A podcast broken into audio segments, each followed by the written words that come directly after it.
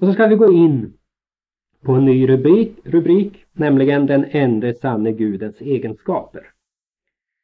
Och här vet jag inte om vi kommer att hinna nu den här gången med alla hans egenskaper.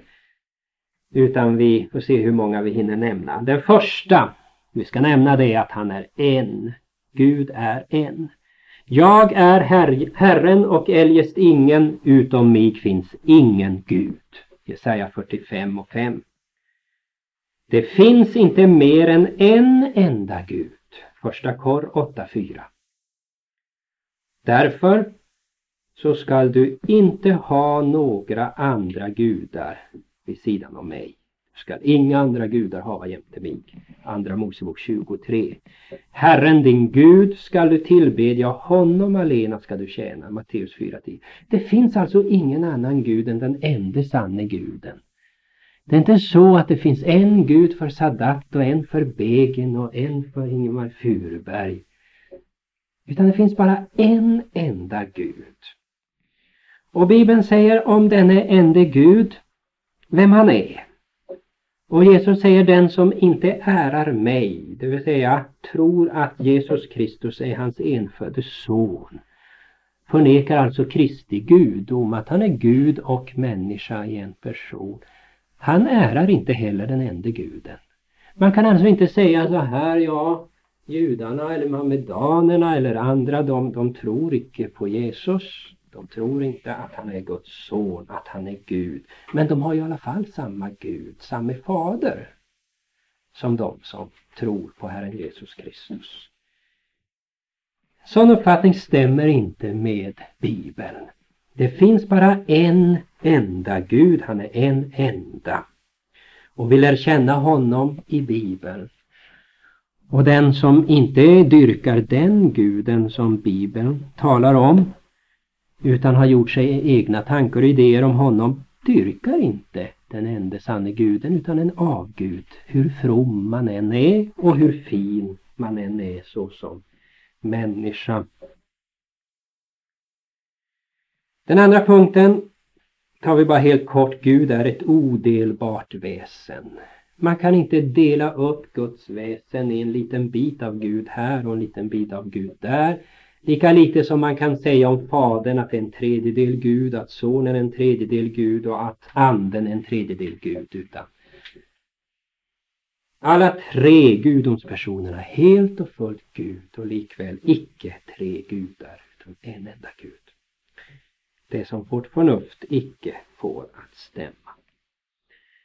Punkt 3. Gud är oföränderlig i sitt väsen. Han är densamme igår och idag och i evighet. Han är oföränderlig i sitt väsen, han är oföränderlig i sina egenskaper och han är oföränderlig i sin vilja. Jag är Herren, jag förändras inte. Malaki 3 och 6.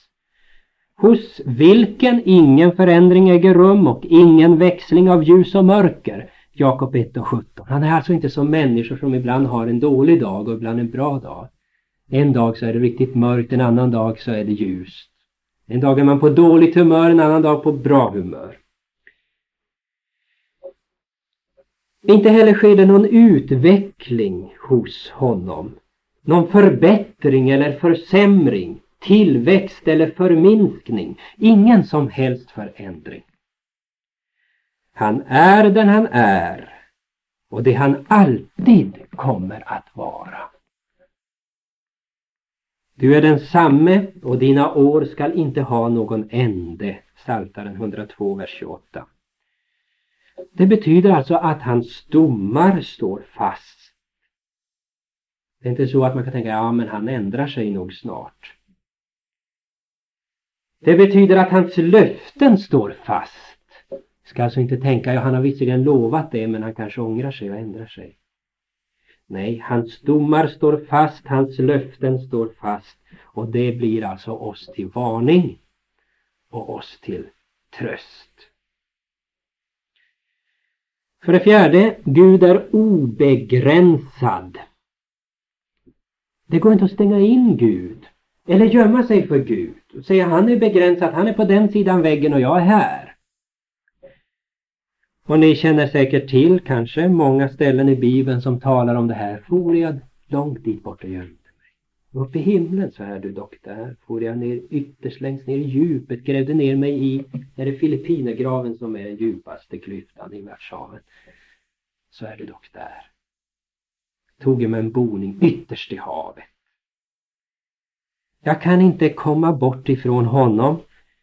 Han är obegränsad. Han är allestädes närvarande. Himlarna och himlarnas himmel rymmer dig ju icke. Första Konungaboken 8.27. Det är konung Salomo som säger detta när han på Guds befallning har byggt ett tempel.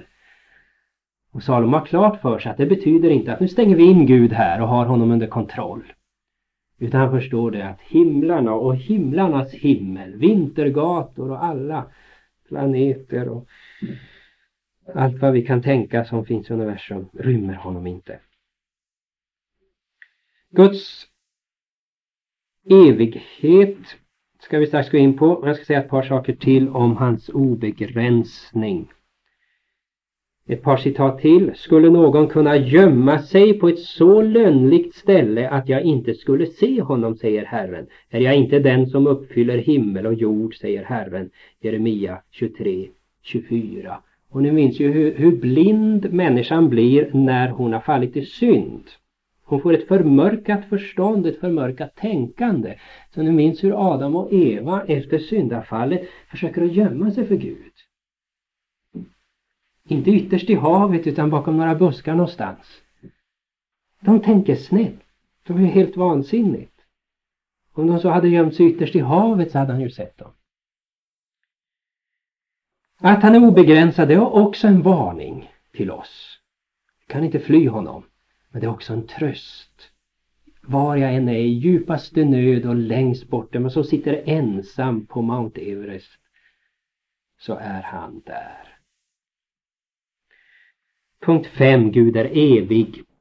Han är inte begränsad av tiden. Från evighet till evighet är du, o Gud. Psaltaren 90, vers 2. Han fanns alltså av evighet. När ingenting annat fanns före skapelsen så fanns en, nämligen Gud, den evige. Och han är tidlös. Hos honom är varken förfluten tid eller framtid. Det kan vi inte fatta. Hans evighet är ogripbar för oss. Jag ska bara peta in här att ordet evig används ibland i Bibeln i relativ mening.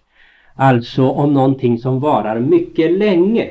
I relativ mening det betyder att man jämför det med någonting annat. Och med tanke på allt det som förändras, blir olika, så kan man säga om någonting som också inte är evigt, att det är evigt. För att det är evigt i jämförelse med det som ständigt förändras. Det finns ett sådant ställe i predikaren till exempel där det står att det och det förändras och det och det förändras och det, det är ena dagen si och andra dagen så.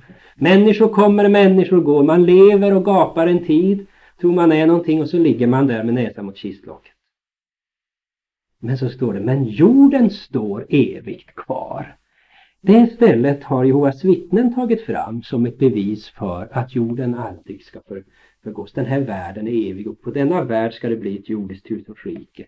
Detta som Bibeln motsäger. Det grundar sig på ett sånt där ställe. Men där är alltså evig använt i relativ mening. Alltså jorden står där hela tiden i jämförelse med människornas alltså, och, och djurens och växternas växlingar. Och det finns andra ställen där också ordet evig används relativt. Men Gud är evig, inte i relativ mening utan i, i verklig mening. Ja, där ser jag att mina 40 minuter har gått och då får vi nästa gång fortsätta att tala om att Gud är ett levande, förnuftigt och aktivt väsen. Han är allvetande, han är vis, han har en vilja, han är helig, han är rättvis, han är rättfärdig. Han är sanningen, han är allsmäktig och han är god. Det ska vi ta fram ytterligare när det gäller hans egenskaper och sen ska vi gå in på hans enhet och närmare tala om vad treenigheten innebär. Men då får vi stanna här för den här gången.